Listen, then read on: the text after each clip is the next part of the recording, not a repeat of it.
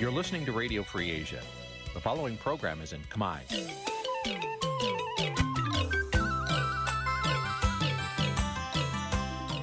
នេះជាកម្មវិធីផ្សាយ Vuthu Azizi Serai នេះជាកម្មវិធីផ្សាយរបស់ Vuthu Azizi Serai ជាភាសាខ្មែរ Vuthu Azizi Serai សូមស្វាគមន៍លោកអ្នកនាងទាំងអស់ពីរដ្ឋធានី Washington នៃសហរដ្ឋអាមេរិក ចាប់ផ្សាយផ្ទាល់ពីរដ្ឋធានី Washington នាងខ្ញុំសុកជីវីសូមជម្រាបសួរលោកអ្នកនាងអ្នកស្ដាប់ Vuthu Azizi Serai ទាំងអស់ជាទីមេត្រីយើងខ្ញុំសូមជូនកម្មវិធីផ្សាយសម្រាប់យប់ថ្ងៃច័ន្ទ10កើតខែមិញឆ្នាំថោះបញ្ញស័កពុរសករាជ2567ចាដែលត្រូវនៅថ្ងៃទី19ខែកុម្ភៈគ្រិស្តសករាជ2024ជាដំបូងនេះសូមអញ្ជើញលោកអ្នកនាង ស្ដាប់ព័ត៌មានប្រចាំថ្ងៃដែលមានមេតិការដូចតទៅ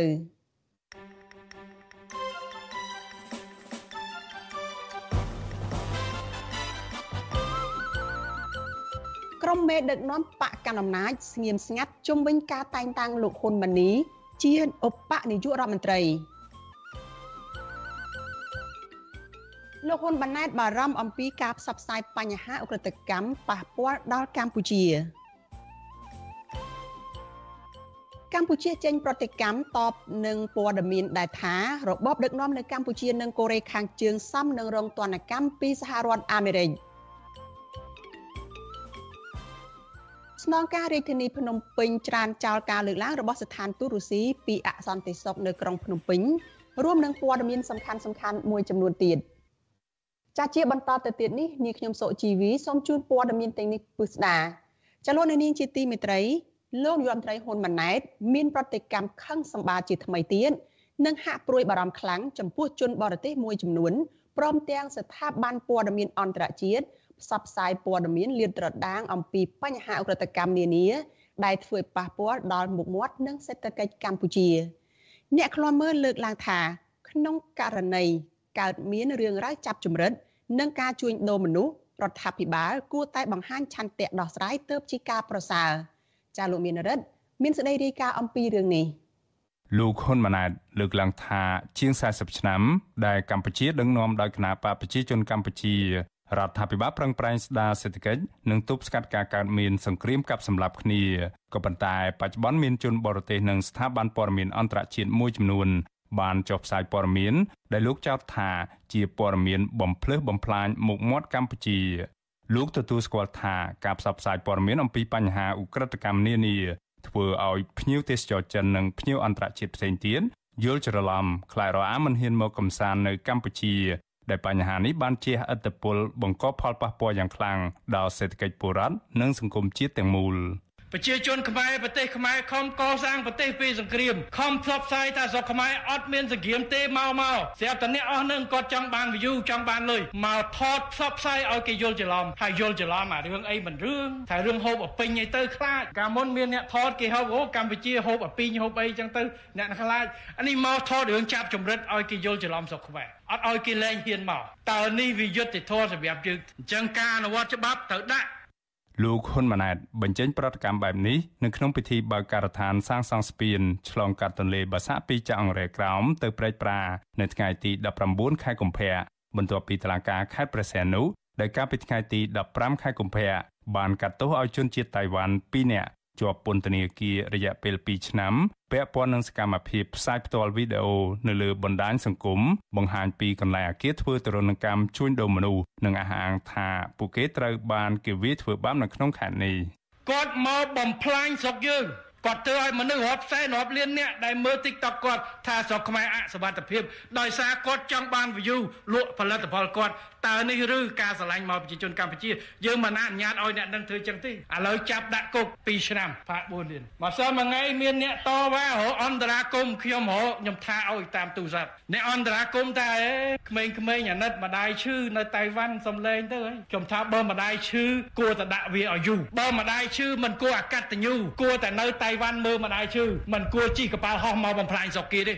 អ្នកខ្លំមើលសង្គមលើកឡើងថាជំនួសការថ្លែងបារម្ភពីការផ្សព្វផ្សាយបញ្ហាក្រិតកម្មរដ្ឋាភិបាលគួរបង្ហាញឆន្ទៈដោះស្រាយបញ្ហាឲ្យមានប្រសិទ្ធភាពពីព្រោះរដ្ឋាភិបាលខ្លួនឯងក៏ធ្លាប់ទទួលស្គាល់ពីបញ្ហាចាប់ចម្រិតមនុស្សធ្វើទរណកម្មនិងបញ្ហាជួញដូរមនុស្សនៅកម្ពុជាដែរអ្នកសិក្សាបញ្ហាសង្គមនិងនយោបាយលោកប៉ៅមករាជំរុញដល់រដ្ឋាភិបាល ឲ្យត្រួតពិនិត្យរបាយការណ៍របស់ស្ថាប័នអន្តរជាតិនានាហើយប្រសិនបើកម្ពុជាពិតជាកើតមានរាល់បញ្ហាក្រិតកម្មដូចជាស្ថាប័នអន្តរជាតិតែងតែលើកឡើងនោះលោកថារដ្ឋាភិបាល គួរចាត់វិធានការទប់ស្កាត់ឲ្យមានប្រសិទ្ធភាពដូចជាការផលិតកុនដែលពាក់ព័ន្ធរឿងចាប់ចម្រិតនៅកម្ពុជានោះរដ្ឋាភិបាលក៏ដូចជាលោកយុរដ្ឋមន្ត្រីក៏គួរតែពិនិត្យថាតើ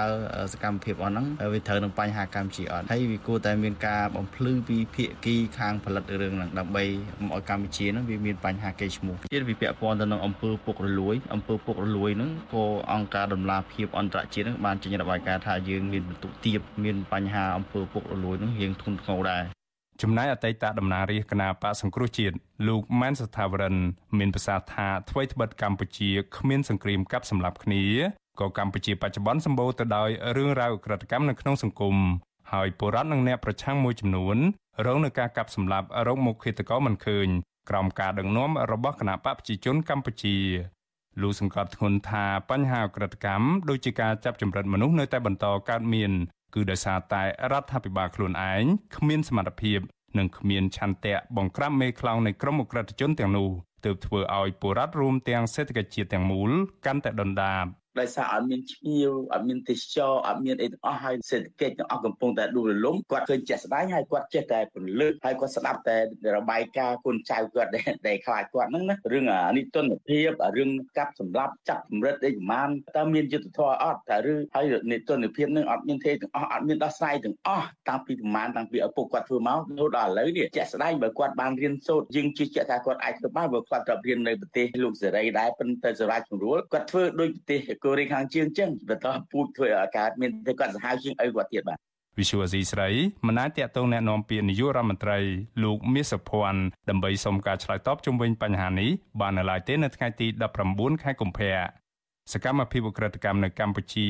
ដូចជាបញ្ហាជួញដូរមនុស្សការឆោបបោកតាមអនឡាញការបាញ់បោះដោយសេរីនិងករណីចាប់ចម្រិតនៅតែបន្តកើតមានជាហូរហែ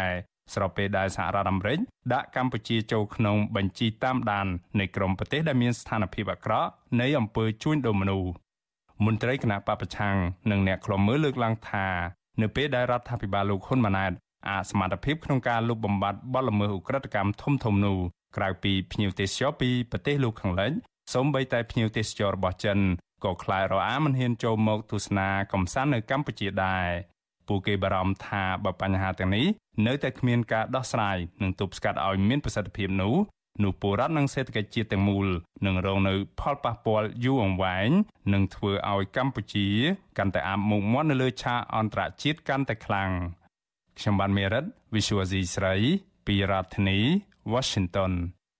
ចាលោកនាងកញ្ញាជាទីមេត្រីលោកអ្នកកំពុងស្ដាប់វិទ្យុអាស៊ីសេរីចាប់ផ្សាយចេញពីរដ្ឋធានី Washington សហរដ្ឋអាមេរិក ព័ត៌មានជាបន្តទៅទៀតនេះចាតកតងទៅនឹងក្តីបារម្ភពីបញ្ហាអសន្តិសុខនៅរាជធានីភ្នំពេញ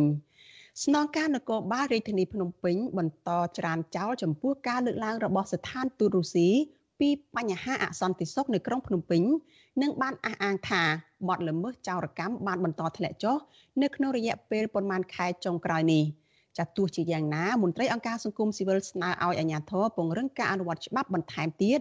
ដើម្បីកសាងទំនុកចិត្តពីពលរដ្ឋនិងពីជនបរទេស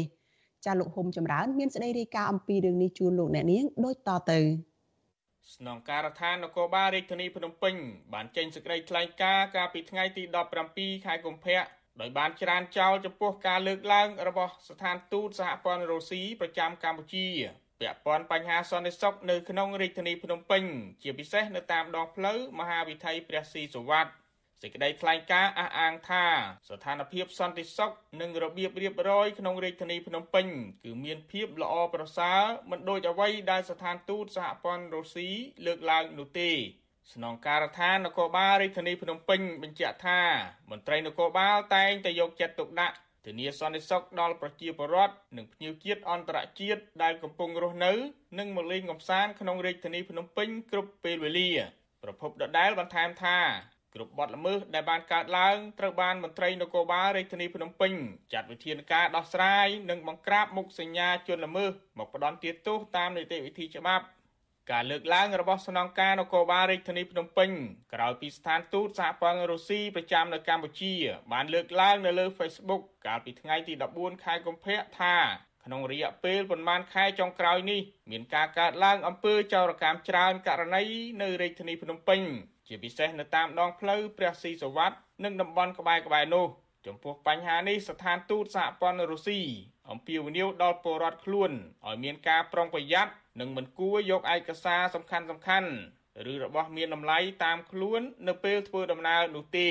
អ្នកនាំពាក្យស្នងការដ្ឋាននគរបាលរាជធានីភ្នំពេញលោកសំវិជ្ជការប្រាប់វិទ្យុអាស៊ីសេរីនៅថ្ងៃទី19កុម្ភៈថា លោកនៅតែអះអាងថាមន្ត្រីនគរបាល បានអនុវត្តវិធានការតឹងរឹងនិងបង្ក្រាបរាល់បទល្មើសដែលបានកើតឡើង ដែលនាំឲ្យបទល្មើសមានការថយចុះក្នុងរយៈពេលប្រមាណខែចុងក្រោយនេះទោះជាយ៉ាងណាលោកសំវិជ្ជការថា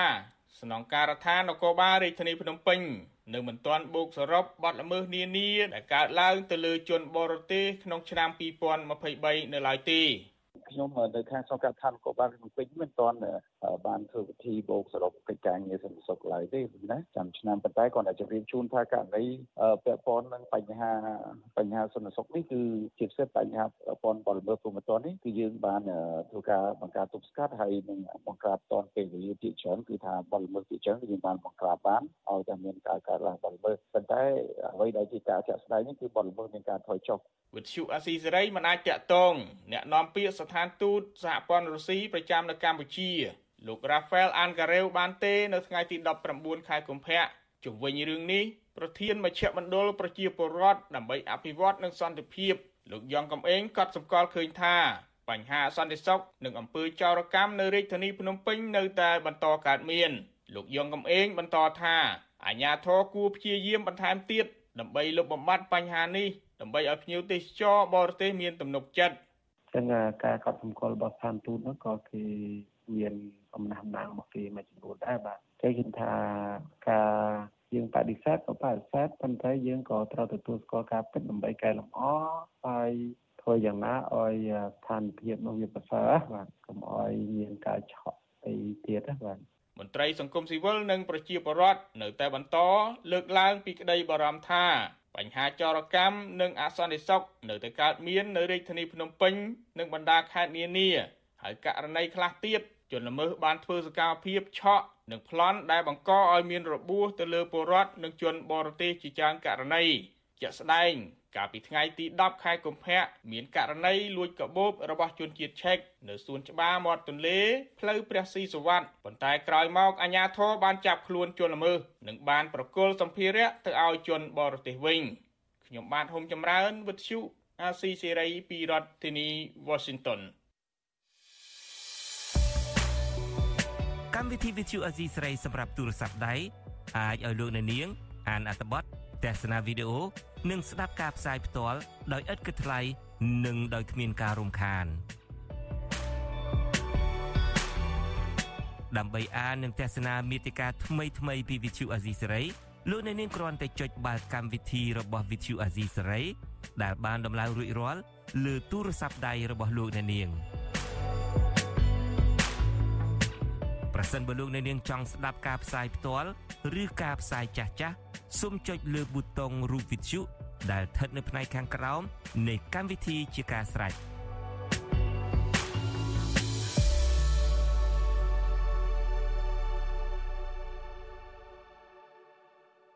ចាលោកនាងកញ្ញាប្រិយមិត្តជាទីមេត្រីចាជាបន្តទៅទៀតនេះចាសូមអញ្ជើញលោកនាងចាងាកមកតាមដានស្ដាប់ព័ត៌មានចាតកតងនឹងមេដឹកនាំកម្ពុជាកម្ពុជានៃបកកាន់អំណាចវិញម្ដងចាមេដឹកនាំបកកាន់អំណាចសំខាន់សំខាន់ចាជាពិសេសគឺក្រុមរបស់លោកសាយឈុំលោកសខេងលោកទីបាញ់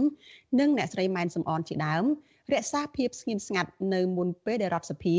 គ្រងនឹងបោះឆ្នោតតែងតាំងលោកហ៊ុនម៉ាណីឲ្យធ្វើជាឧបនាយករដ្ឋមន្ត្រី មន្ត្រីបកកណ្ដាលអំណាចអះអាងថាគណៈបកនេះពុំមានទំនាស់ផ្ទៃក្នុងនោះទេខណៈដែលមន្ត្រីបកប្រឆាំងវិញយល់ឃើញថា ភាពស្ងៀមស្ងាត់នេះអាចមកពីមេដឹកនាំទាំងនោះមិនពេញចិត្តក៏ថាបានចាលោកច័ន្ទលោកច័ន្ទដារ៉ូរាយការណ៍អំពីរឿងនេះជូនលោកអ្នកនាងដូចតទៅមេដឹកនាំគណៈបកប្រជាជនកម្ពុជាសំខាន់សំខាន់រួមមានលោកសាយឈុំលោកសខេងលោកទាបាញ់និងអ្នកស្រីម៉ែនសំអន មិនទាន់បង្ហាញមតិយោបល់ជាសាធារណៈនៅឡើយទេជុំវិញផែនការលើកបន្ទុកលោកហ៊ុនម៉ាណីឲ្យឡើងធ្វើជាឧបនាយករដ្ឋមន្ត្រីបន្ទាប់ពីបងប្រុសគឺលោកហ៊ុនម៉ាណែតកំពុងកាន់កាប់តំណែងជានាយករដ្ឋមន្ត្រីស្រាប់កាលពីពេលថ្មីថ្មីនេះលោកហ៊ុនម៉ាណែតបានស្នើតែងតាំងប្អូនប្រុសបង្កើតគឺលោកហ៊ុនម៉ាណីធ្វើជាឧបនាយករដ្ឋមន្ត្រី និងស្នើតែងតាំងទេសរដ្ឋមន្ត្រីទទួលបន្ទុកបេសកកម្មពីររូបបន្ថែមទៀត គឺលោកស្រីធម្មរងនិងលោកប៉ែនវិបុលបើសិនគ្មានការប្រែប្រួលអ្វីនោះរដ្ឋសភាដែលគ្រប់គ្រងដោយគណៈបកកណ្ដាលអំណាចនឹងបើកកិច្ចប្រជុំវិសាមញ្ញដើម្បីបោះឆ្នោតផ្ដល់សេចក្តីទុកចិត្តលើសមាជិកពួកគេ នៅថ្ងៃទី21ខែកុម្ភៈអ្នកនាំពាក្យគណៈបកប្រជាជនកម្ពុជាលោកសុកអេសានប្រវត្តិជអាស៊ីសេរីថា ការដែលមេដឹកនាំបក មិនបានចេញសារណាមួយតាក់ទងការដំឡើងតំណែងលោកហ៊ុនម៉ាណីធ្វើជាឧបនាយករដ្ឋមន្ត្រី មិនមែនមានន័យថាបកនេះកំពុងមានចំនួនផ្ទៃក្នុងនោះទេ លោកអះអាងថា ការជ្រើសរើសលោកហ៊ុនម៉ាណីឲ្យធ្វើជាឧបនាយករដ្ឋមន្ត្រីកន្លងមកគឺផ្អែកលើស្នាដៃនិងសមត្ថភាពហើយការសម្រេចជារួមដោយគណៈកម្មាធិការអចិន្ត្រៃយ៍គណៈបកចំនួន57រូប ដែលក្នុងនោះក៏មានថ្នាក់ដឹកនាំ4រូបគឺលោកសៃឈុំលោកសខេងលោកទាបាញ់និងអ្នកស្រីម៉ែនសំអនជាអ្នកសម្រេចផងដែរ គឺថាតែងតាំង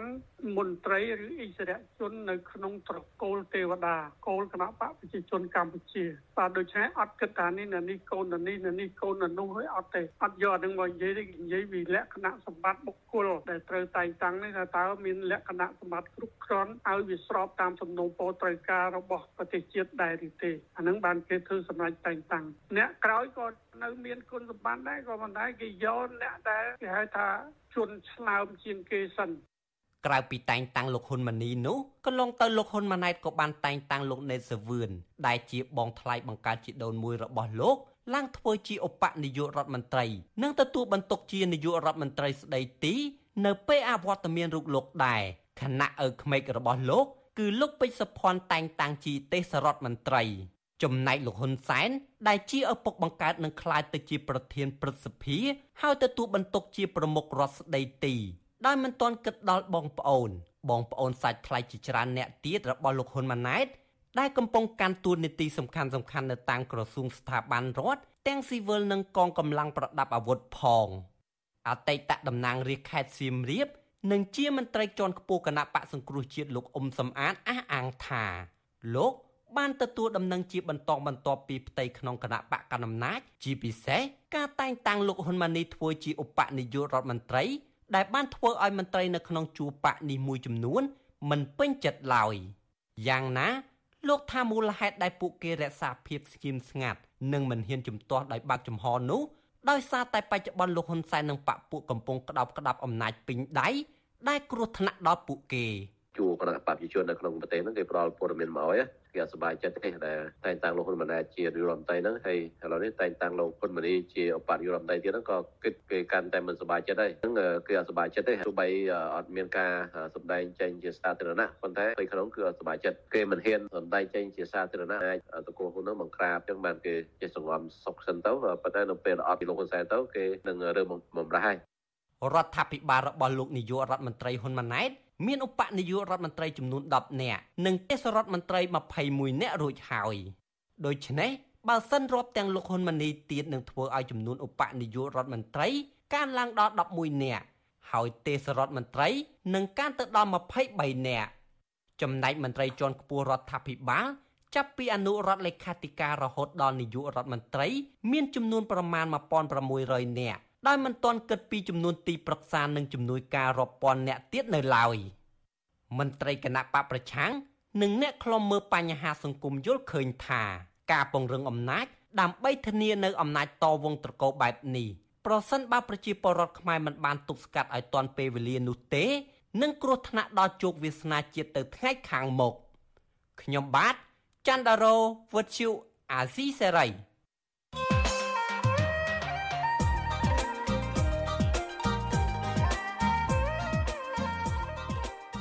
ចាលោកអ្នកនាងកញ្ញាជាទីមេត្រីចាកម្ពុជានឹងបោះឆ្នោតជ្រើសតាំងសមាជិកព្រឹទ្ធសភាអាណត្តិទី5នៅថ្ងៃអាទិត្យទី25ខែកុម្ភៈចុងសប្តាហ៍នេះ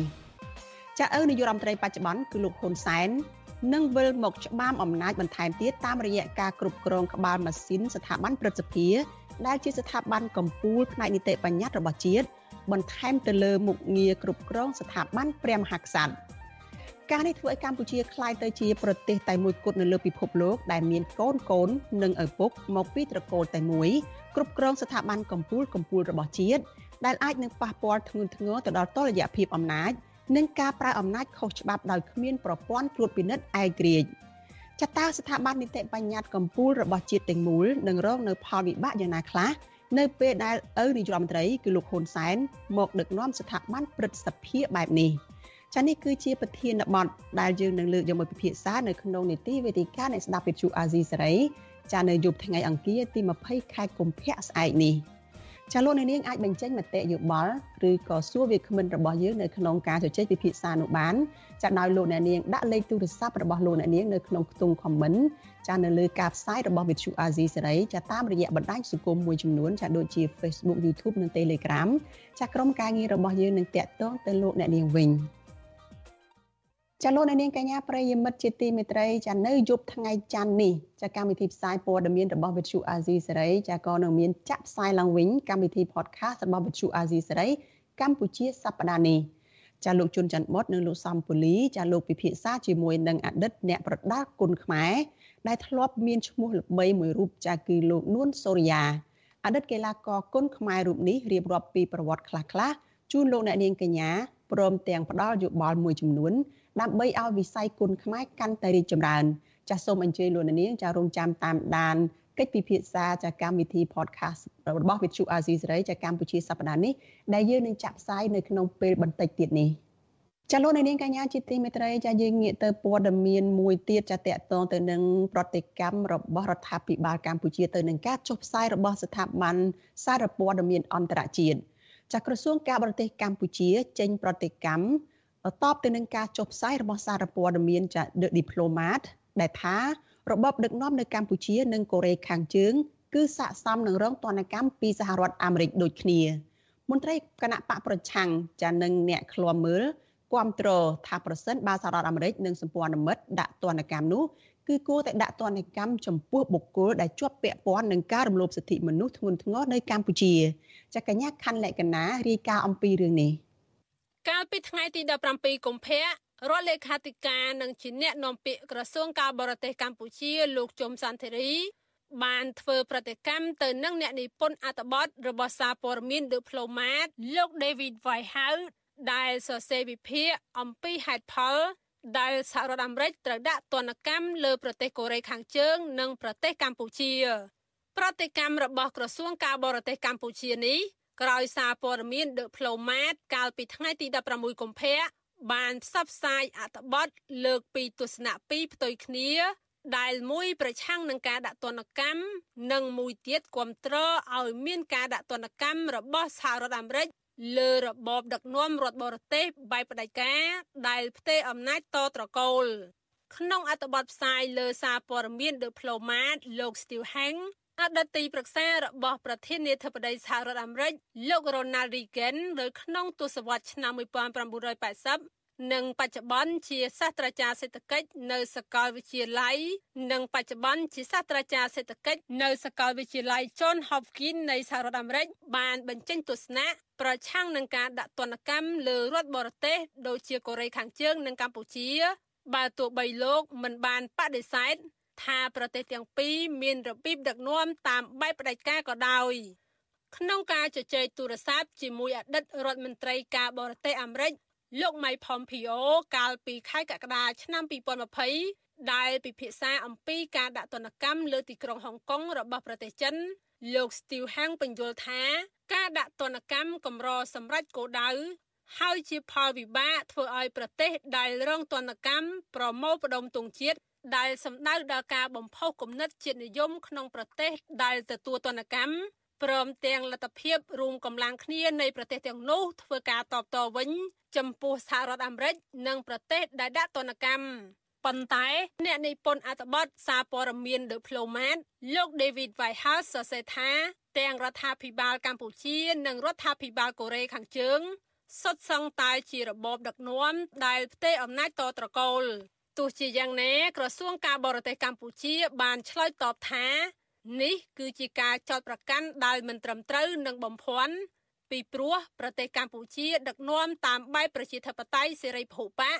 ដែលមានការបោះឆ្នោតតាំងពីឆ្នាំ1993មកហើយការបោះឆ្នោតសកលនៅឆ្នាំ2023ចុងក្រោយនេះ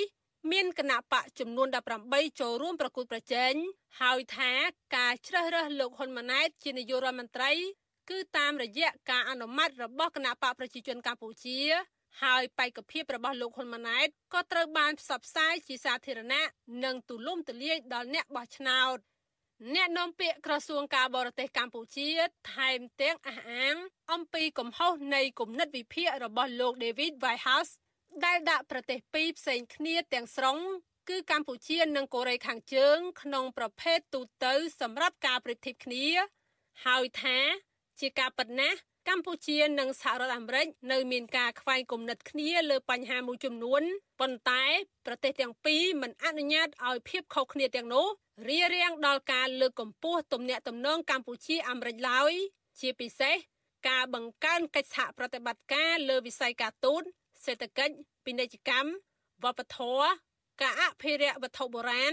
សុខភាពអប់រំ បរិស្ថាន ការដោះមីននិងសន្តិសុខស្បៀងជាដើមយ៉ាងណាអត្ថបទវិភាគរបស់លោក David Whitehouse ថារបបដឹកនាំនៅកូរ៉េខាងជើងនិងកម្ពុជាសពថ្ងៃប្រើប្រាស់អំពើហិង្សាលើប្រជាពលរដ្ឋដើម្បីធានាការគ្រប់គ្រងអំណាចហើយអត្ថបទនេះ ក៏បានដកស្រង់ឧទាហរណ៍នៃការដាក់ទណ្ឌកម្មរបស់សហរដ្ឋអាមេរិកលើវិស័យនៃរដ្ឋាភិបាលលោកគីមចុងអ៊ុននិងការដាក់ទណ្ឌកម្មលើមនុស្សស្និទ្ធនឹងលោកហ៊ុនសែនគឺអង្គញាត្រីភិបដែលល្បីខាងបំផ្លាញប្រៃឈើនៅកម្ពុជាអត្ថបទដដែលថាមេដឹកនាំកូរ៉េខាងជើងនិងកម្ពុជាសពថ្ងៃពឹងផ្អែកខ្លាំងលើការគៀបសង្កត់ផ្ទៃក្នុងដើម្បីការពារអំណាចរបស់ពួកគេ ហើយថា របបពឹងផ្អែកលើអ ுக ្រិតកម្មដើម្បីអំណាចគឺច្បាស់ណាស់ជាបេក្ខជនដែលស័កសមក្នុងការទទួលនៅទណ្ឌកម្មប្រធានក្រុមប្រឹក្សាខ្លមើកម្ពុជាលោកម៉ៃណាតប្រវិសុអសិសរីនៅថ្ងៃទី19កុម្ភៈថាប្រតិកម្មរបស់ក្រសួងការបរទេសកម្ពុជាគ្រាន់តែជាការងារការពារខ្លួនពីការដឹកនាំផ្ដាច់ការដើម្បីកុំឲ្យអាក្រក់មើលពេកនៅចំពោះមុខសហគមន៍អន្តរជាតិនិងប្រជាពលរដ្ឋខ្មែរតែប៉ុណ្ណោះ លោកថាទណ្ឌកម្មពីសហគមន៍អន្តរជាតិដាក់ចំពោះបុគ្គលទាំងឡាយណា ដែលប្រើអំណាចបំពានជ្រុលហួសហេតុក្នុងរបបនេះហើយចាំបាច់ណាស់ត្រូវតែធ្វើហើយដាក់ឲ្យបានលឿនពីព្រោះទណ្ឌកម្មគឺជាការប្រមានដ៏មានប្រសិទ្ធភាព ដើម្បីរំលឹកដាស់តឿនជនផ្ដាច់ការឲ្យចេះផ្ដល់តម្លៃលើការផ្ដល់យោបល់របស់សហគមន៍អន្តរជាតិដែលចង់ឃើញកំណែតម្រង់ទៅកាន់ប្រជាធិបតេយ្យ សហរដ្ឋអាមេរិកឬក៏ប្រទេសសម្ព័ន្ធមិត្តរបស់សហរដ្ឋអាមេរិកនឹងដាក់ទណ្ឌកម្មលើពួកមន្ត្រីរដ្ឋាភិបាលតលតលដាក់ជាបុគ្គលនឹងអុកញ៉ាពួកអ្នកមានអំណាចអ្នកមានទ្រព្យអីដែលប្រព្រឹត្តអំពើពុករលួយប្រព្រឹត្តអំពើរំលោភសិទ្ធិមនុស្សអីជាដើមឡាហ្នឹងត្រូវតែដាក់ទណ្ឌកម្មបន្ថែមទៀតជាពិសេសក្រុមគ្រួសារតកូលហ៊ុនអ្នកណាដែលជាប់ពាក់ព័ន្ធធំជាងគេហ្នឹងត្រូវតែដាក់ទណ្ឌកម្មបន្ថែមទៀតដើម្បីជាការជាការពមៀនមួយ ដាក់ទណ្ឌកម្មបង្កកទ្រព្យសម្បត្តិជាការពមៀនមួយឲ្យមានការភ្ញាក់រលឹកឡើងវិញក្នុងជួរមន្ត្រីជួររដ្ឋាភិបាលកាន់អំណាចនៅកម្ពុជាហ្នឹងបើមិនដាក់តនកម្មទេពួកនឹងអត់មានការភ្ញាក់រលឹកហើយអត់មានការញញើតញញើមជាមួយនឹងសហគមន៍អន្តរជាតិទេចំណែកអនុប្រធានគណៈបកសង្គ្រោះជាតិលោកស្រីមួសុខួរប្រាប់សារព័ត៌មានឌីប្លូម៉ាតថាការដាក់ទណ្ឌកម្មលើអង្គញានិងមន្ត្រីជាន់ខ្ពស់នៃរបបដឹកនាំកម្ពុជាសប្តាហ៍ថ្ងៃ គឺជាជំហានដ៏សំខាន់មួយ ដើម្បីធ្វើឲ្យរង្គោះរង្គើអំណាចផ្ដាច់ការរបស់ពួកគេ ពីព្រោះលោកស្រីថា អំណាចផ្ដាច់ការអាចរស់ទៅបានដោយសារតែទ្រព្យសម្បត្តិពីការលាងលុយកខ្វក់ជាមួយពួកម៉ាហ្វីយ៉ាអំពើពុករលួយ ការជួញដូរមនុស្សការជួញដូរគ្រឿងញៀននិងការកាប់បំផ្លាញព្រៃឈើជាដើមខ្ញុំខណ្ឌលក្ខណាវុទ្ធុអាស៊ីសេរី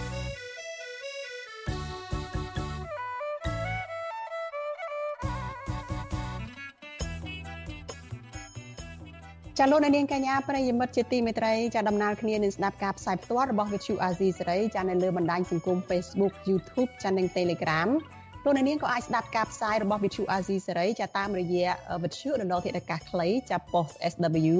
តាមកម្រិតនិងកម្ពស់ដូចតទៅនេះពេលព្រឹកចាប់ពីម៉ោង5កន្លះដល់ម៉ោង6កន្លះតាមរយៈ post SW 93.90 MHz ស្មើនឹងកម្ពស់ 32m និង post SW 11.85 MHz ស្មើនឹងកម្ពស់ 25m ពេលយប់ចាប់ពីម៉ោង7កន្លះដល់ម៉ោង8កន្លះតាមរយៈ post SW 93.30 MHz ស្មើនឹងកម្ពស់ 32m និង post SW 11.88 MHz ស្មើនឹងកម្ពស់ 25m និង post SW 15.15 MHz ស្មើនឹងកម្ពស់ 20m ចាសសូមអរគុណ ចាលោកនាងកញ្ញាប្រិយមិត្តជាទីមេត្រីចាការផ្សាយរបស់វិទ្យុអាស៊ីសេរីចានៅយប់នេះក៏នៅតែបន្តទទួលរងនៅការយាយីរំខាន គឺជាការដែលវាយលុកយ៉ាងសន្ធឹកសន្ធាប់ពីបណ្ដាអ្នកលេងអុកឡុកនៅលើបណ្ដាញសង្គមដែលការចេញបញ្ចេញមតិយោបល់ឬក៏វាយលុកនៅលើការផ្សាយរបស់វិទ្យុអាស៊ីសេរីនេះចាមើលទៅហាក់ដូចជា មានការរៀបចំជាប្រព័ន្ធហើយធ្វើឡើងដដែលដដែលចាហើយ មិនមិនឆ្លើយតបទៅនឹងអ្វីដែលកំពុងតែកើតមាននៅពេលនេះទេចាលោកអ្នកនាងបានឃើញរឿងនេះដែរហើយសូមអញ្ជើញលោកអ្នកនាងចាគុំយកចិត្តទុកដាក់អំពីការបញ្ចេញទស្សនៈទាំងនោះអីហើយសូមអញ្ជើញលោកអ្នកនាងចាដែលជាអ្នកគ្រប់គ្រងដែលជាអ្នកស្រឡាញ់ការផ្សាយរបស់វិទ្យុអាស៊ីសេរីចាសូមអញ្ជើញលោកអ្នកនាងចាបន្តបញ្ចេញមតិយោបល់របស់លោកអ្នកនាងចាទៅតាមការដែលលោកអ្នកនាងចង់បញ្ចេញមតិយោបល់នៅលើការផ្សាយរបស់យើងនេះ ចាហើយកម្មវិធីផ្សាយរបស់វិទ្យុអាស៊ីសេរីចានឹងមិនទៅរៀបរៀងការបញ្ចេញមតិណាមួយទេពីព្រោះថាការរៀបរៀងការបញ្ចេញមតិនេះនឹងធ្វើឲ្យប៉ះពាល់ទៅដល់ការបញ្ចេញមតិពិតប្រាកដរបស់លោកអ្នកនាងដែលចូលមកស្ដាប់ព័ត៌មានរបស់វិទ្យុអាស៊ីសេរីចាលោកអ្នកនាងកញ្ញាជាទីមេត្រីចានៅពេលបន្តិចទៀតនេះចាលោកអ្នកនាងនឹងបានទស្សនាការចាក់ផ្សាយឡើងវិញកម្មវិធី podcast របស់វិទ្យុអាស៊ីសេរីចាកម្ពុជាសប្តាហ៍នេះចាដែលមានលោកជុនច័ន្ទបុតនិងលោកសំពូលីចាជជែកជាមួយនឹងអឺ កីឡាករប្រដាល់គុណខ្មែរល្បីឈ្មោះមួយរូបចាគឺលោកនួនសូរិយាដែលអតីតកីឡាកររូបនេះចារៀបរាប់ពីប្រវត្តិខ្លះៗរបស់លោកជូនលោកអ្នកនាងកញ្ញាព្រមទាំងផ្ដល់មតិយោបល់មួយចំនួនដើម្បីឲ្យវិស័យគុណខ្មែររីកចម្រើនតទៅទៀតចាសូមអញ្ជើញលោកអ្នកនាងចារងចាំតាមដានការចាក់ផ្សាយឡើងវិញកម្មវិធី podcast របស់វិទ្យុអាស៊ីសេរីចានៅពេលបន្តិចទៀតនេះ។ ចាលោកនាងកញ្ញាជាទីមេត្រីយើងងាកមករឿងរ៉ាវរបស់ប្រជាពលរដ្ឋដែលរងផលប៉ះពាល់ពីគម្រោងអភិវឌ្ឍអាងទឹកវិញម្ដងពលរដ្ឋដែលរងគ្រោះដោយការអភិវឌ្ឍអាងទឹកដងកំបិតរបស់ក្រុមហ៊ុនចិននៅឯខេត្តកំពង់ធំទទូចឲ្យអាជ្ញាធរនិងក្រុមហ៊ុនផ្ដល់សំណងសមរម្យជូនពួកគាត់នៅក្រៅពេលដែលក្រុមហ៊ុននេះបានទៅឈូសឆាយដីស្រែចម្ការរាប់រយហិកតា និងបង្ខំឲ្យពួកគាត់រុះរើផ្ទះសម្បែង ចាសសូមអញ្ជើញលោកនាងចាទស្សនាសេចក្តីរាយការណ៍របស់លោកយ៉ងច័ន្ទដារា អំពីបញ្ហានេះដូចតទៅប្រជាពលរដ្ឋឲ្យដឹងថាចាប់តាំងពីរដ្ឋាភិបាលផ្ដល់សិទ្ធិឲ្យក្រុមហ៊ុនចិនអភិវឌ្ឍអាងទឹកដងកំបិតរយៈពេលជិត1ឆ្នាំមកនេះដីស្រែចម្ការរបស់ពួកគាត់ដែលបានអាស្រ័យផលត្រូវបានក្រុមហ៊ុនរំលោភយកទៅតាមតែអំពើចិត្តហើយជំនួសមកវិញដោយសកម្មភាពសាងសង់ការដ្ឋាន ការបំផ្ទុះថ្ម និងការបូមខ្សាច់ដោយគ្មានសំណងប្រជាពលរដ្ឋរងគ្រោះពីគម្រោងអភិវឌ្ឍអាងទឹក លោកកេងកេនរស់នៅភូមិស្រែខ្សាច់ឃុំដងកំបិតប្រាប់វិទ្យុអាស៊ីសេរីថាដីចំការរបស់លោកជាង3ហិកតាត្រូវបានក្រុមហ៊ុនរំលោភយកចំណែកឯផ្ទះរបស់លោកក៏ត្រូវរុះរើដោយសារតែជាប់ទៅនឹងគម្រោងអភិវឌ្ឍអាងទឹកដើមជួយខ្ញុំនោះដីខ្ញុំឯងនោះត្រឹមអត់ក្រីក្រចេះតែមុខទៅរើនេះបើគេអត់ មានសំណងមកខ្ញុំសង្គមគេសំណងនោះឯងក្រែងស្ថាប័នបាននេះគេទូរទិញគេទៀតបើប៉ះពិលអស់ហើយគឺយ៉ាងណាស្នើសុំអុយគាត់ពន្លឿនអុយបន្តិចបើសិនតែយឺតទេអស់ខ្ញុំប្រកាសតែរកអីដាំដុះមិនក៏ទៀតទេបើគេជួយឆៃអស់ហើយលីងលីងទៅណា ពលរដ្ឋរស់នៅភូមិស្រែខ្សាច់ឃុំដងកំបិតម្នាក់ទៀតគឺលោកព្រំសារឿនលើកឡើងថាចាប់តាំងពីក្រុមហ៊ុនដើរបាញ់ថ្នាំលើជញ្ជាំងផ្ទះហើយមិនអោយរស់នៅលើដីនោះទៀតពួកលោកដេកពុំសូវលក់នឹងភ័យខ្លាចលោកថាដីចំការរបស់លោកជិត1ហិកតាសម្រាប់ដាំដំឡូងនិងស្វាយចន្ទីត្រូវបានក្រុមហ៊ុនឈូសឆាយអស់គេឈូសឆាយអស់ហើយថាតែមុងវឹសណោះប្រាប់ថាកុំឲ្យឈូសចាំចេញបានសំឡងសិនចាំ គេឈូនេះខ្ញុំមិនបានសំឡងហ្មងឈូដីគ្នាអើច្រេញទេបានអីអើច្រេញបាត់ហើយ đây rầm đi lục bậc hơi thì khai cho ra thu mục tiệt văn ấy thì nó lên vậy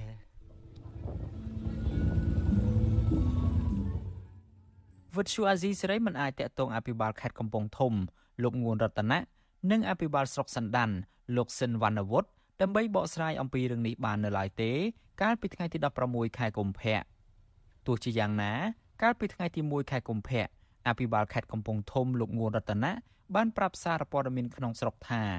ការអភិវឌ្ឍអាងទឹកដងកំបិតគឺដើម្បីជំរុញដល់វិស័យកសិកម្មកាន់តែល្អប្រសើរសម្រាប់ប្រជាពលរដ្ឋរស់នៅក្នុងខេត្តកំពង់ធំនិងខេត្តព្រះវិហារដើម្បីយកទឹកស្រោចស្រពដំណាំផ្សេងផ្សេងទោះជាមានការអះអាងបែបនេះក្តីប្រជាពលរដ្ឋឲ្យដឹងថានេះគ្រាន់តែជាការនិយាយឲ្យតែល្អស្ដាប់ក៏ប៉ុន្តែជាក់ស្ដែងប្រជាពលរដ្ឋជាង50គ្រួសារនៅឃុំដងកំបិត ពួកគាត់ដេកកាត់ទុកដោយសារតែគម្រោងអភិវឌ្ឍអាងទឹកមួយនេះតាក់ទងទៅនឹងរឿងនេះមេឃុំដងកំបិតស្រុកសណ្ដានលោកលុនយ៉េនលើកឡើងថាប្រជាពលរដ្ឋដែលរងផលប៉ះពាល់លំនៅឋាននិងដីស្រែចម្ការអញ្ញាធិបពពាន់នឹងផ្ដល់ជាសំណងក៏ប៉ុន្តែពុំទាន់ដឹងថាសំណងប៉ុន្មានហើយនឹងផ្ដល់ឲ្យនៅពេលណានោះទេ ផលប៉ះពាល់អីអីហ្នឹងគឺមានគោលការណ៍គេមានសំដងប៉ុន្តែ មានក្រុមវាស់វែងផលប៉ះពាល់មួយបែកមួយបែកទៀតគឺមានបក្រុមទៀតដែលវាចម្លៃវាចម្លៃថានៅតំបន់នេះទីផ្សាររបស់យើងដូចជាដីធ្លីដូចជាអីទៅតម្លៃយ៉ាងម៉េចយ៉ាងម៉េចអានោះគេសិក្សាទៀតនៅបើវាមិនទាន់ចេះថាមិនដឹងថាម៉េចអត់អត់ចេះថាទេបាទប៉ុន្តែមានគោលការណ៍សំណងអានោះកាលពីខែកុម្ភៈឆ្នាំ2023រដ្ឋលេខាធិការក្រសួងសេដ្ឋកិច្ចនិងហិរញ្ញវត្ថុលោករស់សិលវ៉ា បានចុះហត្ថលេខាទៅលើកិច្ចព្រមព្រៀងស្តីពីអនុទានសម្បទានសម្រាប់អភិវឌ្ឍអាងទឹកដងកំបិតនៅក្នុងខេត្តកំពង់ធំឲ្យទៅក្រុមហ៊ុនចិនអ្នកសម្របសម្រួលគម្រោងធុរកិច្ចនិងសិទ្ធិមនុស្សនៃមជ្ឈមណ្ឌលសិទ្ធិមនុស្សកម្ពុជាលោកវ៉ាន់សូផាតលើកឡើងថាក្រុមហ៊ុនគួរតែសហការជាមួយនឹងអាជ្ញាធរពាក់ព័ន្ធដើម្បីរកដំណោះស្រាយជូនប្រជាពលរដ្ឋឲ្យបានត្រឹមត្រូវមុនអនុវត្តគម្រោងដែលធ្វើឲ្យប៉ះពាល់ដល់ជីវភាពពលរដ្ឋប្រជាពលរដ្ឋឲ្យដឹងទៀតថាប្រសិនបើអាជ្ញាធរពាក់ព័ន្ធ មិនដោះស្រាយបញ្ហានេះឲ្យបានត្រឹមត្រូវនៅក្នុងរយៈពេលឆាប់ឆាប់នេះទេនោះពួកគាត់នឹងនាំគ្នាតវ៉ាហើយនឹងមិនព្រមរុះរើផ្ទះសម្បែងតាមការចង់បានរបស់ក្រុមហ៊ុននោះទេខ្ញុំយ៉ងច័ន្ទដារាវិទ្យុអាស៊ីសេរី Washington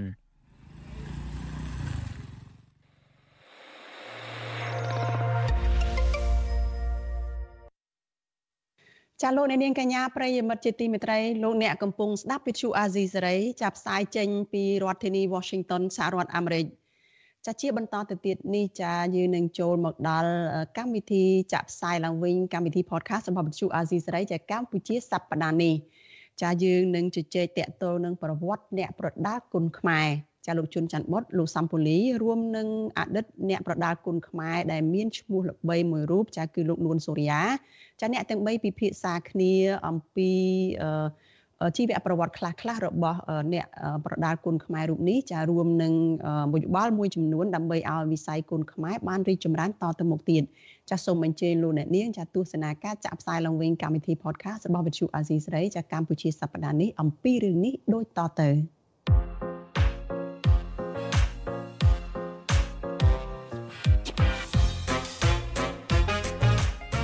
កម្ពុជាសប្តាហ៍នេះនេះគឺជាកម្មវិធី podcast របស់ Vuthu Azizi Serai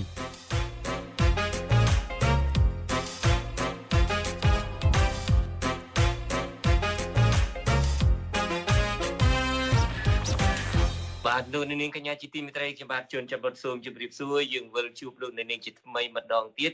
ក្នុងកម្មវិធី podcast របស់ Vuthu Azizi Serai ហើយដោយសពមួយដងដែរដៃគូពិភាក្សារបស់ខ្ញុំពេលនេះគឺលោកសំពូលីពូលីជំរាបសួរជំរាបសួរបងជុនច័ន្ទបុតហើយជំរាបសួរមិត្តអ្នកស្ដាប់របស់វិទ្យុអេស៊ីសរ៉ៃទាំងអស់បងជុនច័ន្ទបុតយ៉ាងម៉េចហើយនេះគឺជាសប្តាហ៍ទី2ដែលបងបានត្រឡប់មកវិញនឹងមិនអារ៉ៃអារម្មណ៍អីយ៉ាងណាដែរអឺមានអីចាប់ផ្ដើមដំណើរការឡើងវិញរៀនធ្វើការជាថ្មីឡើងវិញហើយរីករាយនឹងបានជួបពូលីរីករាយនឹងបានឡើងផ្សាយវិញដោយពូលីដឹងហើយជឿលបមកបានឡើងផ្សាយនឹងជា so អូខេអញ្ចឹងខ្ញុំនឹងលេខលោក make sure ឲ្យប្រកាសថាក្រុមការងាររបស់យើងរកការងារឲ្យបងជិនច័ន្ទវត្តធ្វើឲ្យបានច្រើនដើម្បីឲ្យជាបាទឲ្យភ្លេចជំងឺបាទឲ្យភ្លេចជំងឺឥឡូវនេះ ថ្ងៃនេះយើងនាំមកជូនលោកនាងក្នុងកម្មវិធី podcast របស់យើងនៅរឿងរ៉ាវប្លែកមួយដែលយើងមិនសូវលើកយកមកបានទៅជែកទេ គឺយើងចង់ទៅជែកគ្នាអំពីការរីកចម្រើននៃគុណខ្មែរកីឡាមួយប្រភេទយើងថ្ងៃនេះនឹងយើងជជែកអំពីរឿងគុណខ្មែរនឹងដោយមានអ្នកជំនាញម្នាក់គាត់ជាអ្នកបដាល់គុណខ្មែរខ្លួនឯងនឹងផងហើយក៏ធ្វើជាគ្រូ បង្ហាត់គុណខ្មែរនឹងផងគ្រូតាំងពីនៅប្រទេសកម្ពុជាទីបំផុតហ្នឹងក៏មកធ្វើគ្រូនៅសហរដ្ឋអាមេរិកទៀតលោកនាងប្រហែលជាធ្លាប់ឃើញមុខហើយធ្លាប់ឮឈ្មោះហើយនោះគឺលោកគ្រូនួនសូរិយាបាទលោកចូលរួមជាមួយយើងតាមប្រព័ន្ធ Skype video Skype ពីរដ្ឋ California នៃសហរដ្ឋអាមេរិកនេះបាទជម្រាបសួរលោកនួនសូរិយាបាទបាទជម្រាបសួរលោកគ្រូចាំបាទជម្រាបសួរ បាទតាមពិតពូលីនៅអាស៊ីសេរីនឹងអ្នកដែលចូលចិត្តកីឡាជាងគេនឹងមិនថាកីឡាស្អីទេកីឡាអាមេរិកកាំងក៏ចូលចិត្តកីឡា soccer game បាល់ទាត់នឹងក៏ចូលចិត្តអារបៀបអាមេរិកកាំងនឹងក៏ចូលចិត្តគុណខ្មែរនឹងក៏ចូលចិត្តពឹងលើប៉ូលីទាំងស្រុងឯក្នុងការទៅជែកពិភាក្សាថ្ងៃនេះខ្ញុំគ្រាន់តែជាអ្នកដែលអមអមទេហើយសូមអញ្ជើញប៉ូលីអរគុណបងជុនច័ន្ទបុតតាមពិតអ្វីដែលបងបាននិយាយនឹងត្រូវហើយអ្វីដែលខ្ញុំ អឺតស៊ូឈ្មោះឈ្មោលតាមជាងគេនឹងជួនកាលការផ្សាយនៅក្នុងប្រទេសកម្ពុជានឹងវាខុសម៉ោងខុសពេលវេលារបស់យើងនៅនៅសហរដ្ឋអាមេរិកនេះក៏តាមមើលដែរជួនកាលឡើងឡើងម៉ោង3ម៉ោង4ភ្លឺនឹងជាមើលជាអីគេទៅព្រោះចង់ដឹងហើយចង់ឃើញការរីកចម្រើននៃវិស័យកីឡានៅក្នុងប្រទេសកម្ពុជានឹងហើយមនុស្សមួយមនុស្សម្នាក់ដែលខ្ញុំតាមដានកន្លងមកនេះគឺលោកគ្រូនួនសូរិយានឹងតែម្ដង ព្រោះគាត់ជាជាអ្នកបកែល្បីធ្លាប់មានឈ្មោះបោះសម្លេងដើរវាយហើយបើតាមការអឺស្រាវជ្រាវរបស់យើងនឹងលោកធ្លាប់ចេញទៅអឺប្រកួតកីឡាហ្នឹងតាំងពីឆ្នាំ1996រហូតដល់ឆ្នាំ2011ម្លេះអញ្ចឹងវាជាង20ឆ្នាំហើយឈ្នះនឹងច្រើនហើយគេឈ្មោះនឹងក៏ល្អហើយ ជាពិសេសទៅទៀតនោះមកដល់ពេលនេះដែលលោកគ្រូឈប់ធ្វើជាកីឡាករហើយនឹងលោកគ្រូនៅតែឲ្យជាមតិយោបល់ដើម្បីបង្ហាញឲ្យកីឡាករខ្មែរចំនួនក្រោយនឹងយល់ដឹងពីយុទ្ធសាស្ត្រហើយពីបច្ចេកទេសផ្សេងផ្សេងដើម្បីអាចប្រកួតឈ្នះលើគូប្រយុទ្ធរបស់ខ្លួនបានអឺហើយអរគុណណាស់ដែលលោកគ្រូនួនសូរិយាបានចូលរួមក្នុងកម្មវិធីយើងក្នុងពេលនេះបាទ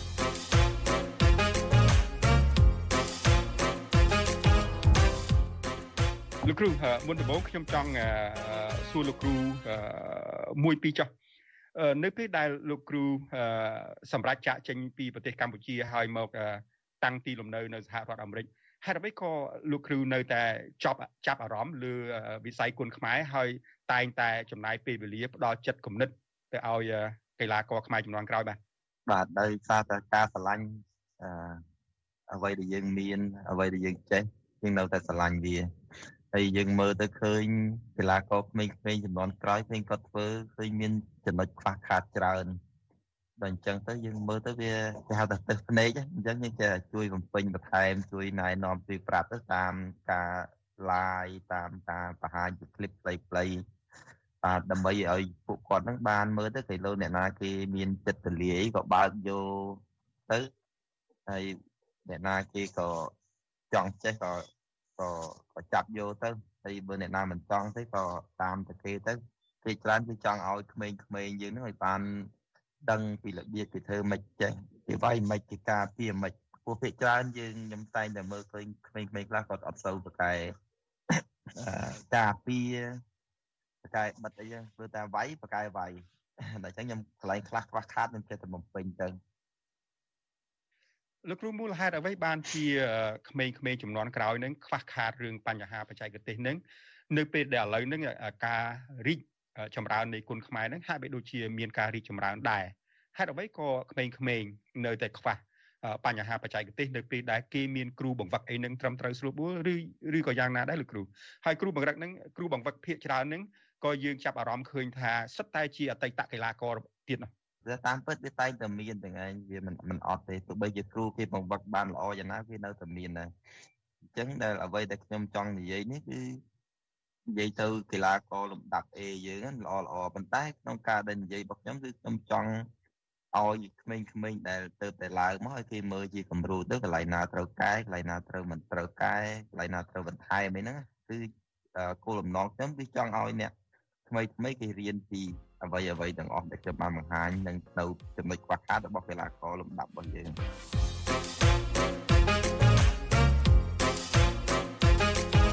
លោកគ្រូកាល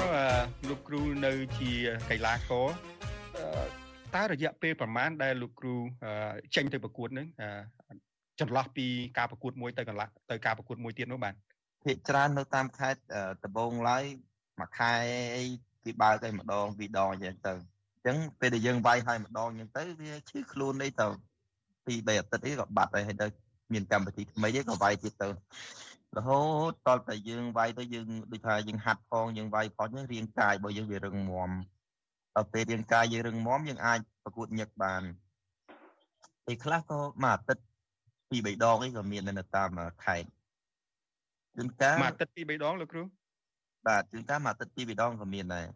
ដូចតែកម្មវិធីគេបើកប្រកួតនៅតាមខេត្តឧទាហរណ៍ថាខេត្តសៀមរាបគេប្រកួតរយៈពេលមួយអាទិត្យអញ្ចឹងមួយអាទិត្យហ្នឹងយើងអាចបាយបានដល់តែ3ដងតែអាចអញ្ចឹងណាអានឹងតាមមើលយើងឈឺខ្លួនឬក៏អត់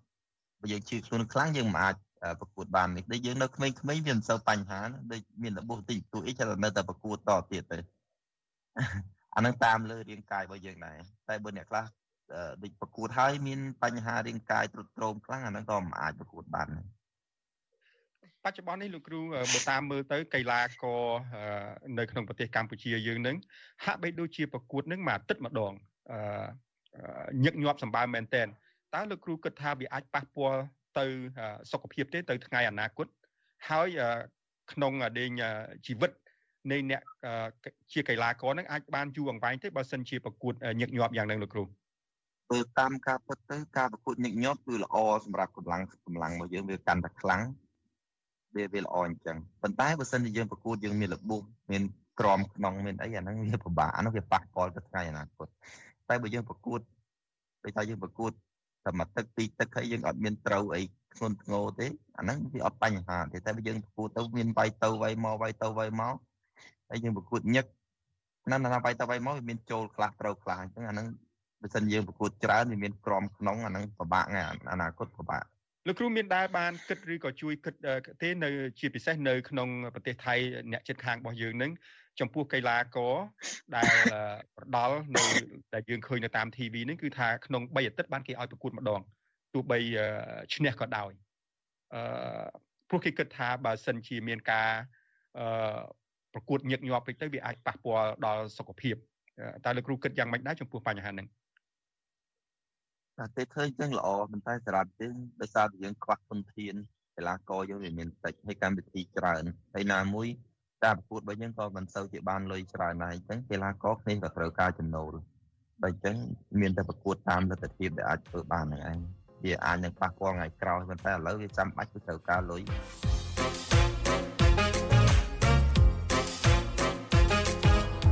ខ្ញុំស្ដាប់បដានិងខ្ញុំស្ងើចបដាចំពោះ មិនមែនតែសូរិយាទេចំពោះកីឡាករផ្នែកគុណខ្មែរឬកីឡាករប្រដាល់អីដទៃទៀតនឹងខ្ញុំចេះតែស្ងើចថាចាប់អារម្មណ៍ទៅនឹងវិជ្ជាជីវៈមួយដែលធ្វើជាខ្លួនហេតុអីបានពីក្មេងមកស្រាប់តែនឹកឃើញថាអឺធំឡើងនឹងធ្វើកីឡាករបដាល់កីឡាករគុណខ្មែរណាវត្តទៅវត្តជើងជើងទៅដៃដៃទៅខ្មងខ្មងទៅកែងកែងនេះ តើអ្វីទៅជំរុញឲ្យខ្លាយទៅជាកីឡាករផ្នែកបដាល់ឬមួយផ្នែកគុណខ្មែរនេះអឺអត់មានអីផងគ្រាន់តែចូលចិត្តចូលចិត្តឲ្យហាត់ក៏មិនមែនហាត់ដើម្បីវាយទេខ្ញុំហាត់មិនមែនដើម្បីវាយទេខ្ញុំគ្រាន់ហាត់ដើម្បីឲ្យចេះទៅឲ្យវាការពារខ្លួនអញ្ចឹងទៅពីដំបូងឡើយណាការបាទដើម្បីការពារខ្លួនទេមិនហាត់ដើម្បីវាយផងប៉ុន្តែគ្រាន់តែថាចៃដន្យពេលដែលខ្ញុំហាត់ហ្នឹងទៅក៏ ស្រាប់តែមានកម្មវិធីបដាល់គេមកបដាល់ប្រកួតបើប្រកួតបដាល់នៅខេត្តគ្រូក៏សួរថាហ៊ានវាយអត់បើសួរអញ្ចឹងសួរឌឺហ្មងដល់អញ្ចឹងយើងយើងអ្នកហាត់អីដែរចិត្តកូនប្រុសដែរក៏ឡើងទៅបាទឡើងទៅលើកទី1យ៉ាងម៉េចដែរលើកទី1ហ្មងលើកទី1យើងប្រកួតស្មើគ្នាប៉ុន្តែមានមានអារម្មណ៍ថាចុះមកលេងចង់ប្រកួតមកវាអស់មែនមែនអស់មែនទេព្រោះនៅតាមខេត្តយើងហាត់ធម្មតាយើងមិនដូចហាត់ខេត្តណាដំបងឡើងបាត់ដំបង ឬមួយក៏ប្រទីមានជ័យទីមានជ័យបាទខ្ញុំហាត់នៅខេត្តប្រទីមានជ័យឆ្នាំ1996ចាប់ដើមបាទអូខេលើកទី1ស្មើគ្នាប៉ុន្តែអស់កម្លាំងមែនតើនៅឃើញលែងស្មើលាប៉ុន្តែហេតុអីនៅត្រឡប់ទៅទៅរិញវិញបាទដល់ពេលយើងក្រោយពីអស់យើងទៅយើងហាត់ទៅវាធម្មតាវិញវាដូចថាវាវាពេលផ្លិចរឿងហត់ហ្នឹងណា ប៉ុន្តែគាត់ថាយើងនឹកថាអូតលហាត់ឲ្យខ្លាំងជាងនឹងទៀតដល់បាត់ហត់ទៅយើងត្រូវហាត់ថែមទៀតទៅបាយប្រគួតលើកក្រោយទៅក៏រៀងហត់ដែរប៉ុន្តែវាវាកាត់បន្ថយបានច្រើនមិនសល់តែយើងហាត់បានច្រើនជាងមុន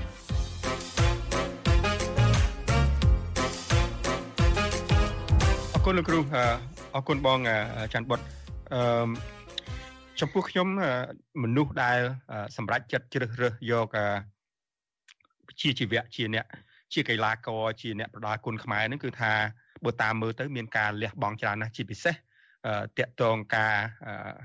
បដូរសាច់បដូរឈាមហ្នឹងណាគឺថាផ្សងគ្រប់បែបយ៉ាងទាំងអស់អានឹងគឺជាអ្វីដែលខ្ញុំឮពីក្រុមកីឡាករនិយាយមកគឺថាឈ្នះចាញ់អីគឺថាមួយដៃមួយជង្គង់ឬមួយកែងអីហ្នឹងទេជួនកាលទោះបីជាខំហាត់វឹកវើរៀនយ៉ាងណាក៏ដោយប៉ុន្តែខ្ញុំចង់ងាកទៅសួរលោកគ្រូអញ្ចេះវិញព្រោះឥឡូវហ្នឹង ខ្ញុំកត់សម្គាល់ថាកីឡាករខ្មែរនៅពេលឡើងត្រីបដល់ឡើងទៅវាយជាមួយគូភាគីភាគតិចណាស់ដែលខ្លួនហ៊ានអះអាងថាមានទំនុកទុកចិត្តលើខ្លួនឯងថា100%នឹងឈ្នះគេមូលហេតុអីលោកគ្រូបានអ្នកកីឡាករឡើងទៅបដូរផ្ដាច់ហើយមិនហ៊ាននិយាយថានឹងឈ្នះគេ100%អឺជាការពិត កីឡាករសម្រាប់ស្រុកគេគឺគេឡើងគឺគេទៅគេតែងតែអឺមានសង្ឃឹមនិងជំនឿចិត្តហើយហ៊ាននិយាយថាគេសង្ឃឹម100%នឹងផ្ដួលកីឡាករកម្ពុជា100%ឬក៏ផ្ដួលដៃគូរបស់គេ100%គេតែងតែហ៊ាននិយាយការនិយាយរបស់គេនេះគឺដើម្បីឲ្យទស្សនិកជនឲ្យអីគេគ្រប់គ្រងហើយគេមានជំនឿចិត្តលើគាត់ហើយឲ្យគាត់ក៏មានជំនឿចិត្តលើខ្លួនឯងលើកទឹកចិត្តខ្លួនឯងដែរប៉ុន្តែសម្រាប់ខ្មែរយើងវិញបើសិនតែយើងហ៊ានតែនិយាយអញ្ចឹង fan fan គេពេបជ្រាយគេថាយើងអួតគឺថាយើងលើកតម្កើងខ្លួនឯងពេកពីព្រោះខ្មែរយើងច្រើនតែមានរបៀបមួយថាវាមនុស្សអោនលំតូនมันមានអាចរិតបែបអួតអំនួតអីចឹងណាដល់ចឹងខ្មែរយើងពិចារណាគេអត់ចូលចិត្តអញ្ចឹងដល់អញ្ចឹងទៅកីឡាករគ្នាតែហ៊ានតែថាជឿជាក់100%អីហ្នឹងដឹងថាត្រូវគេរិះគន់ខ្លាំងមែនទែនភាគច្រើន ជាពិសេសពេលដែលគាត់ប្រកួតទៅមានបញ្ហាអាចថាចាញ់ឬក៏ប្រកួតមិនល្អហ្នឹងណាត្រូវរបស់គេគេរិះគន់ខ្លាំងខ្លាំងមែនទែនដល់អញ្ចឹងទៅកីឡាករខ្មែរយើងមិនសូវហ៊ានអ្នកណាទោះបីជាមានសង្ឃឹម100%ក៏គេអត់ហ៊ាននិយាយថាសង្ឃឹម100%ដែរ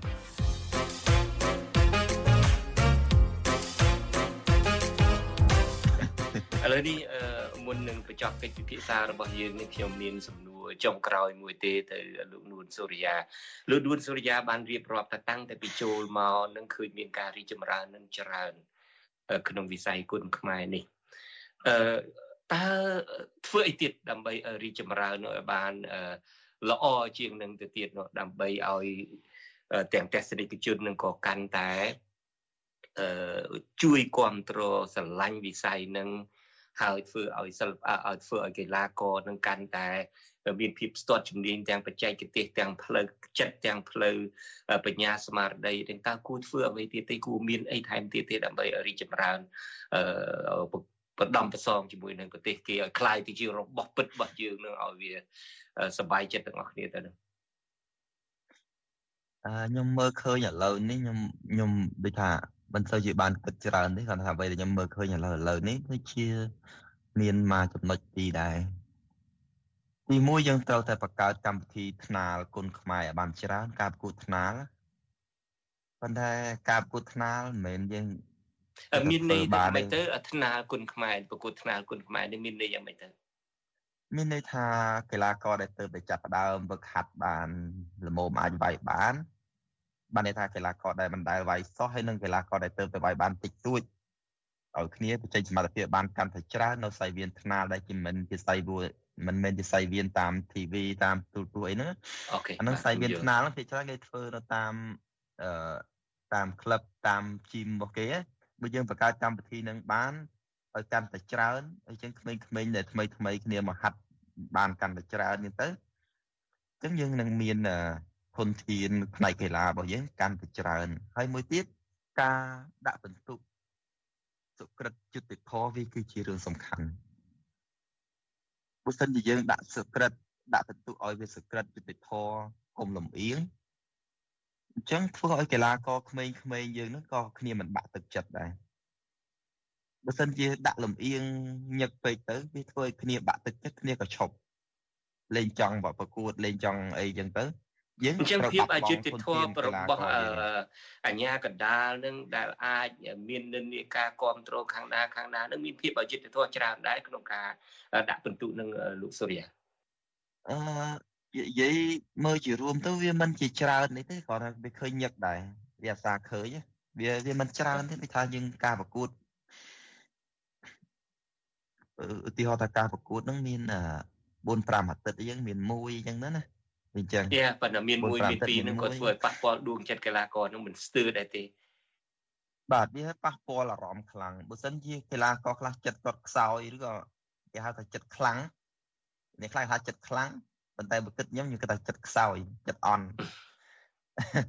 បើសិនជាគ្នាចិត្តរៀងអន់តិចទៅគ្នាគ្នាដូចថាខំប្រឹងហាត់ចង់ងាប់វាទៅមកធ្វើអញ្ចឹងដាក់ មានកម្លាំងណាស់ហើយខំប្រឹងយ៉ាងណាក៏វាមិនគេមិនឲ្យឈ្នះចេះថប់បាយទៅធ្វើអីផ្សេងយើងឃើញយើងបាត់បង់ធនធានមួយបាត់ហើយបាទមានចំណុចមួយទៀតដូចជាខ្ញុំចង់ឲ្យខាងសហព័ន្ធឬក៏ខាងស្ថានីយ៍ឲ្យគាត់ផ្ដល់ឱកាសឲ្យកីឡាករដែលនៅតាមខេត្តឬក៏កីឡាករដែលនៅក្លឹបតូចតូច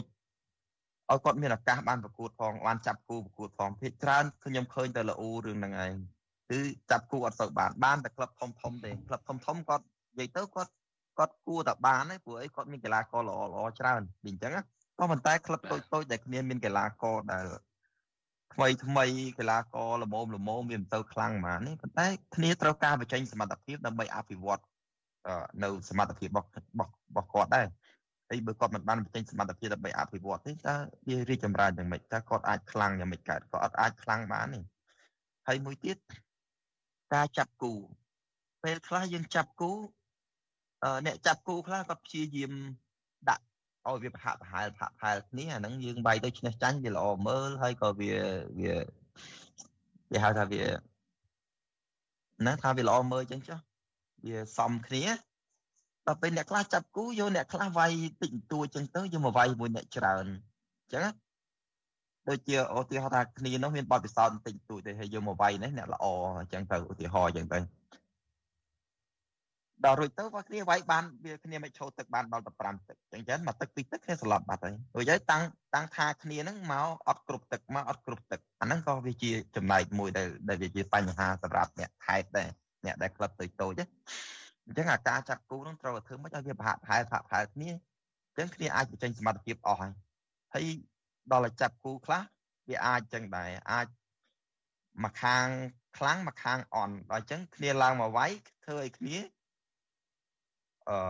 គេហៅថាបញ្ចេញសមត្ថភាពអស់យ៉ាងណាក៏ដោយក៏វាកម្រិតអត់ដល់គេអញ្ចឹងធ្វើឲ្យគ្នាស៊ូទឹកអត់បានអាហ្នឹងទៅជាមានបញ្ហាថាគ្នាមកឈោទឹកអត់បានទាំងគេអត់ចង់ចាប់ឲ្យវាយអាហ្នឹងក៏មាន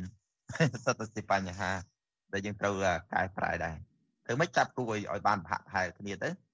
ហើយអ្នកដែលនៅខេត្តខេត្តហ្នឹងក៏ប្រឹងប្រែងអភិវឌ្ឍខ្លួនប្រឹងហាត់តទៀតណាអូខេអរគុណហើយដែលឆ្លៀតឱកាសដើម្បីមកទៅជែកគ្នាអំពីបញ្ហា គុណខ្មែរនេះហើយខ្ញុំក៏រីករាយដែរឬសូថាគុណខ្មែរយើងនឹងចង់ឬមិនចង់មកដល់ពេលនេះមានបញ្ហាអីក៏ដោយចុះក៏មានការរីកចម្រើនប្រៀបធៀបទៅនឹងពេលដែលលោកសូរិយាចូលមុនគេស្វ័យពិតលោកសូរិយាក៏លើកឡើងថាគួរតែរីកចម្រើនឲ្យច្រើនជាងនឹងហើយលោកសូរិយាក៏បានឲ្យជាគំនិត3 4 5ដែរដើម្បីជួយធ្វើឲ្យជំរុញវិស័យគុណខ្មែរនេះកាន់តែរីកចម្រើនដូច្នេះខ្ញុំក៏មានអីទៀតដែរពូលីមានអីទេបើមិនចឹងទេយើងជម្រាបលាលោកនាងកញ្ញាទៅត្រឹមនេះបាទ គាត់ចង់ជម្រាបលោកគ្រូនួនសូយ៉ាថាខ្ញុំដែលជា fan របស់លោកគ្រូនៅតែជា fan ដដែលហើយខ្ញុំជា fan របស់គុណខ្មែរខ្ញុំនឹងបន្តគ្រប់គ្រងគុណខ្មែរតទៅទៀតបានហើយអរគុណលោក